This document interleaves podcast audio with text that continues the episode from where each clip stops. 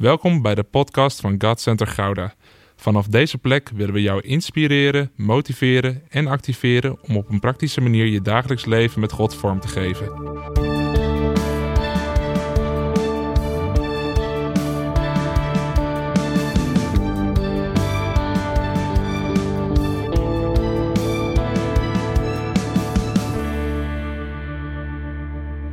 Welkom bij alweer een nieuwe podcast van God Center Gouda. Wat gaaf dat je weer luistert.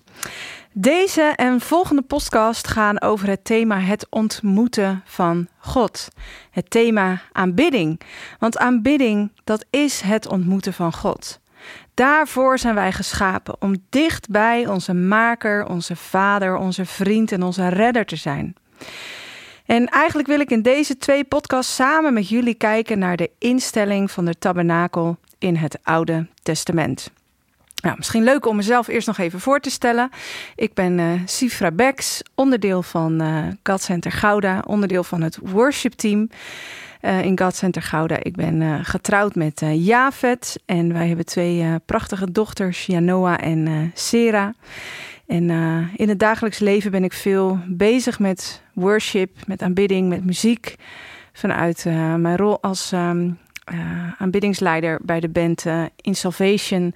En daarnaast ook bij Yes Music en het laatste lied. Dus voor mij is aanbidding, het ontmoeten van God, iets waar ik dagelijks veel mee bezig ben. En dit verhaal uit het Oude Testament um, heeft mij heel erg geholpen om het ontmoeten van God in mijn dagelijks leven ook vorm te geven.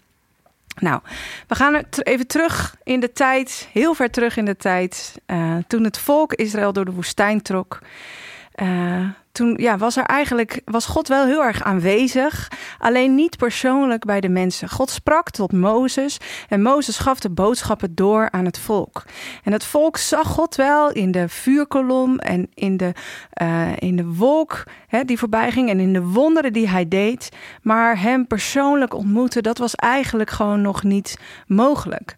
Maar God had wel een heel sterk verlangen om te midden van zijn volk te zijn en om hen de mogelijkheid te geven om hem te ontmoeten.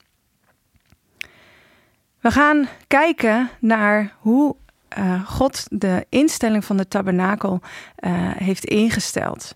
En in deze podcast gaan we eerst kijken naar de instelling van de tabernakel. En eigenlijk in de volgende podcast, dus zet hem alvast in je agenda dat je die ook gaat luisteren, gaan we de onderdelen waar de tabernakel uit bestaat, gaan we bekijken. Nou, wat is de tabernakel eigenlijk? De tabernakel is een tent die te midden van het volk stond toen zij op weg waren naar het beloofde land. En het was, een, het was geen vastgebouwd, het was een tent, want het volk was natuurlijk op reis. En iedere keer moest die tent opgebouwd worden en weer afgebroken worden als ze weer verder gaan. En de betekenis van het woord tabernakel, dat is tent tot bewoning. En in Exodus 25, vers 8 en 9 staat. De Israëlieten moeten een heiligdom voor mij maken, zodat ik te midden van hen kan wonen. En God zei tegen Mozes: Ik zal je een ontwerp laten zien van de tabernakel en van alle voorwerpen die bij deze tent horen. Houd je daar nauwkeurig aan. En wij mogen God vandaag de dag kennen als een hele persoonlijke God, die we ook echt zelf dagelijks mogen ervaren. Maar in de tijd van dit verhaal was dat nog niet het geval. Zoals ik net al zei, Mozes stond in nauw contact met God en hij gaf de boodschappen van God door aan het volk. En het volk zag wel de grote wonderen en de werken van God die hij deed om hen te bevrijden uit Egypte, maar zo persoonlijk als wij God kennen, kende het volk hem niet. En je zult misschien denken, de tabernakel is er voor God, zodat hij daarin aanbeden kon worden door het volk. Ja en nee. Ja, de tabernakel was een plek waar de mensen op een zichtbare plek God konden ontmoeten en aanbidden. Maar misschien nog wel belangrijker was de tabernakel er voor de mensen, voor het volk van Israël. Er staat in Hebreeën 9, vers 24. Christus is immers niet binnengegaan in een heiligdom dat door mensenhanden is gemaakt, in de voorafbeelding van het hemelse heiligdom, maar in de hemel zelf, waar hij nu bij God voor ons pleit. En God laat zien dat hij niet aanbeden wil worden zoals andere goden in die tijd. God is niet in een tent te stoppen. Hij is zo groot en verheven. Maar hij kiest er wel voor om te zijn op een plek waar het volk hem kan ontmoeten, zodat hij onder de mensen kan zijn. Weet je, God verlangt naar zijn volk. En zo verlangt God ook naar jou. En de gedetailleerdheid van de bouw van de tabernakel laat zien hoe belangrijk hij jou vindt. En hoeveel waarde hij eraan hecht om onder zijn volk te zijn. Om bij jou te zijn. Want als je de hoofdstukken 25 tot 27 leest van dit Bijbelboek, en dat zijn eigenlijk hoofdstukken die we vaak overslaan, dan zegt God daar tot in detail hoe de tabernakel gebouwd moet worden. En die gedetailleerdheid vind je maar op een bepaald aantal plaatsen in de Bijbel terug. Op al die plaatsen hoor je zoveel L in de lengte, zoveel L in de hoogte, zoveel L in de breedte. En alle grondstoffen waar het uit moet bestaan. En al die plaatsen zijn ten diepste met elkaar verbonden. Want je hoort dit soort gedetailleerdheid bij de bouw van de ark van Noach. Bij de bouw van de tabernakel onder leiding van Mozes. Bij de bouw van de tempel van Salomo. Bij het visioen van de tempelstad door Ezekiel. En het visioen van de tempelstad door Johannes. En dit alles heeft dezelfde boodschap. God laat niet los wat zijn handen begonnen is. Hij wil wonen bij de mensen en betrokken zijn op ons leven. En op, hij, hij wil het mooiste, de mooiste plek ervan maken om ons te ontmoeten. En dat het een zaak van het hart is, zien we gelijk in het eerste vers van hoofdstuk 25. Mozes is op de berg en God laat hem de bouwtekening van de tabernakel zien. En het eerste wat God dan zegt: neem van iedereen die daartoe bereid is. En voor de bouw van de tabernakel wil God gebruik maken van de middelen die zijn volk ter beschikking heeft. Die middelen mag het volk als offer bij God aanbieden. En het wordt hier niet als verplichting gesteld, zo van je moet zoveel geven. Nee, maar het wordt gevraagd aan een ieder die daartoe bereid is. Het staat in 2 Korinthe 9, vers 7. Laat ieder zoveel geven als hij zelf besloten heeft, zonder tegenzin of dwang, want God heeft lief wie blijmoedig geeft. En weet je, in het ontmoeten en aanbidden van God gaat het er niet om wat je geeft, maar hoe je dat doet en met welke hartsgesteldheid. Weet je, God heeft onze aanbidding niet nodig, maar wij hebben het wel nodig om Hem te aanbidden. Hoe is dat voor jou? Hoe ontmoet jij God? Is dat op een zondagochtend een verplicht nummertje om mee te zingen in de kerk? Is het bidden en tijd nemen met God door de week iets wat je met je hele hart doet? Of is het meer een moeten, omdat je denkt van, hé, hey, dat wordt van mij verwacht? Maar dan wil God vandaag tegen jou zeggen: Mijn lieve zoon, mijn lieve dochter, ik wil jou zo graag ontmoeten. En je mag me geven wat je hebt. Je mag mij aanbidden met je hart, met wat je op dat moment hebt. Want dan ontstaat er een liefdesrelatie. En dat is waar God zo naar verlangt. En het hoeft niet gedwongen omdat het hoort, maar vanuit jouw eigen hartsverlangen wat je hebt. En misschien denk je, ik heb nu niet zoveel te geven. Geef dan dat wat je wel kunt geven. En dan zul je zien dat langzaam maar zeker die relatie met God zo gaat groeien en dat je zo graag dicht bij Hem wil zijn. En als jij geeft wat jij hebt, dan komt God jou tegemoet. En ik heb op een gegeven moment zelf mogen ervaren dat mijn verlangen om bij God te zijn zo sterk was. En toen ik 18 was, liep ik stage in een hotel in Spanje. En uh, nou, ik heb me daar echt vreselijk alleen gevoeld de, de eerste periode. Ik had heel erg heimwee. En ik was voor het eerst van mijn leven echt op mezelf aangewezen. Ik was in een land waar ik de taal niet sprak, de mensen niet kende. En waar ik werk moest doen, wat nou ook niet 1, 2, 3 echt heel erg bij me paste. Maar juist op die reis heb ik God persoonlijk leren kennen. Want in mijn pauzes ging ik naar mijn kamertje en verslond ik de Bijbel. En wilde ik zo graag bij God zijn. En ik was een meisje dat altijd braaf met haar ouders meeging naar de kerk. En voor mij was gelo geloven in God er met de paplepel ingegoten. En ik dacht ook wel, ja, ik weet, ik weet het. Ik weet hoe het zit. En ik twijfelde absoluut niet aan het bestaan van God. Maar om nou te zeggen dat ik echt een persoonlijke relatie had met Hem, nee.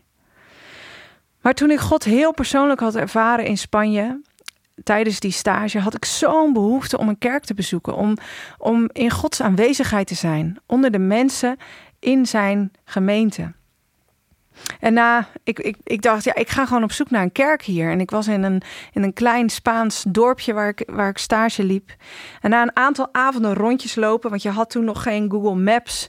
Of uh, je kon niet makkelijk op internet opzoeken waar een kerk was. Ja, zo oud ben ik al. Uh, vond ik een kerk waar op dat moment ook nog eens een dienst gaande was. En het was als het ware alsof ik er naartoe werd gezogen. En vanaf het moment dat ik over de drempel stapte, ervoerde ik zo de aanwezigheid en de heiligheid van God. En ik verstond geen woord van wat er gesproken of gezongen werd. Ik kende de mensen niet die daar bijeen waren. Maar ik wist, daar is God. Dat is eigenlijk een stukje tabernakel. Daar kan ik God ontmoeten. En ik zal die momenten nooit meer vergeten. En voor die periode dat ik daar was, in die drie maanden, werd het voor mij een hele bijzondere plek waar ik iedere week naartoe kwam om God te ontmoeten en Hem te aanbidden. En er groeide een hartsverlangen in mij om God die belangrijke plek in mijn leven te gaan geven. Iedere dag. En weet je wat zo mooi is aan de tabernakel? De tabernakel stond in het midden van het kamp van Israël. En in elke windrichting stonden er dan drie stammen omheen. En ook als het volk verder reisde, dan was de tabernakel altijd in het midden van de groep. Dus er ging een groep vooruit, dan was de tabernakel, alle materialen van het tabernakel in het midden en dan kwam, kwam de rest van het volk erachteraan. De tabernakel was letterlijk het centrum van het volk, het middelpunt van hun samenleving, van hun leven. En waar plaats jij God in je leven? Heeft hij een plaats midden in jouw leven? Of staat hij meer aan de buitenkant? En weet je, als het volk ergens aankwam, dan was het eerste wat zij deden voordat zij hun eigen tenten op gingen bouwen, dat was de tabernakel plaatsen. Eerst werd de tabernakel neergezet. Dat was het middelpunt en de rest werd er omheen gebouwd. Dan weet je, het is verstandig om eerst de plaats van God in jouw leven te bepalen, zodat je de andere dingen er als het ware omheen kunt plaatsen, zoals het volk ook deed. Als je bijvoorbeeld kijkt, als je zit op voetbal. Wat als je je wil aansluiten bij een voetbalclub waar ze wedstrijden spelen op zondag? Welke keuze maak jij dan? Is het middelpunt God, het centrale punt in jouw leven en plaats je daar alles omheen? Of is het eigenlijk zijn dat andere dingen die je eerst een plek geeft en krijgt God daar een plek buiten? Nou, wat bijzonder is aan de bouw van de tabernakel is dat het volk zelf alle materialen verzamelde die nodig waren om de tabernakel te bouwen. En wanneer je omrekent wat het gebruikte goud, zilver en koper in onze tijd waard zou zijn, dan kom je op ongekende getallen. De waarde van het goud komt uit op ongeveer 6,7 miljoen euro. De waarde van het zilver op ongeveer 625.000 euro. En de waarde van het koper op ongeveer 4500 euro. En de totale waarde van die drie grondstoffen alleen al komt dus uit op meer dan 7,3 miljoen euro. En waar haalde, al het, waar haalde het volk al die materialen vandaan? Ze hadden immers 430 jaar in Egypte als slaven gewoond. Maar weet je, het was God zelf die hem voorzien had in alles wat ze nodig hadden. Want in Exodus 3, vers 21 en 22 en Exodus 12, vers 35 en 36 lezen we hoe de Israëlieten de Egyptenaren beroofden. En op het woord van Mozes vroegen de Israëlieten aan de Egyptenaren om hun goud, hun zilver en hun kleren. Weet je, God zorgde ervoor dat de Egyptenaren dit alles aan de Israëlieten gaven. En de Israëlieten hadden het voor zichzelf kunnen houden. Maar dat deden ze niet. Ze gaven het voor de bouw van de tabernakel. Weet je, God gaf het hun. God gaf alles wat nodig was. En het was hun verantwoordelijkheid om het bij bereidwillig terug te geven aan, aan Hem. Weet je, zo is het ook in ons leven. God heeft ons alles gegeven wat we nodig hebben. En zo mogen we ook alles wat we hebben weer teruggeven aan Hem. Het is zoals we zingen in het, in het nummer Vul dit huis met uw glorie. Want alles is door u en alles is tot u. Weet je, we zijn nog niet eens bij de tabernakel zelf aangekomen. Maar de instelling en de plek ervan is al zo bijzonder. Het laat zo het verlangen van God zien om bij ons te zijn. En het roept ook het verlangen op bij onszelf, om bij God te willen zijn en om Hem de plek in het centrum van ons leven te geven. Ik zou zeggen, luister zeker de volgende podcast, want dan gaan we de onderdelen van het tabernakel met elkaar bekijken. Maar ik wil eigenlijk een gebed uitspreken aan het einde van deze aflevering. Lieve God, dank u wel weer dat we op dit moment bij u mogen komen. En dat we uit dit eeuwenoude verhaal mogen leren dat het uw verlangen is om zo dicht bij ons als mensen te zijn. Dat het uw verlangen is om te midden van het volk, te midden van ons leven, de centrale plek in ons leven in te nemen. Zodat wij u kunnen ontmoeten. Zodat wij veranderd kunnen worden doordat we in uw aanwezigheid zijn. En zodat we u kunnen aanbidden, u de eer en de lof kunnen geven die u zo toekomt. Heer Jezus, wilt u ons helpen? Heilige Geest, wilt u ons helpen om u de centrale plek in ons leven te geven? En om daar keuzes in te maken die niet afgaan op wat de wereld of de samenleving om ons heen misschien doet, Heer, maar die afgaan op, op het centraal zetten van U allereerst in ons leven.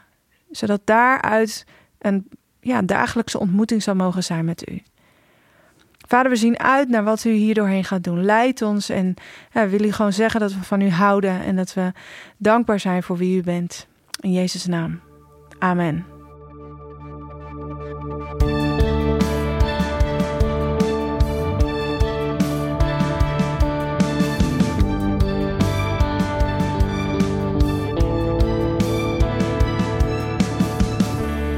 Bedankt voor het luisteren naar deze podcast. Volg ons op onze kanalen om verbonden te blijven. Heeft deze aflevering jou geraakt? Deel dan op je socials en tag ons, zodat we samen meer mensen kunnen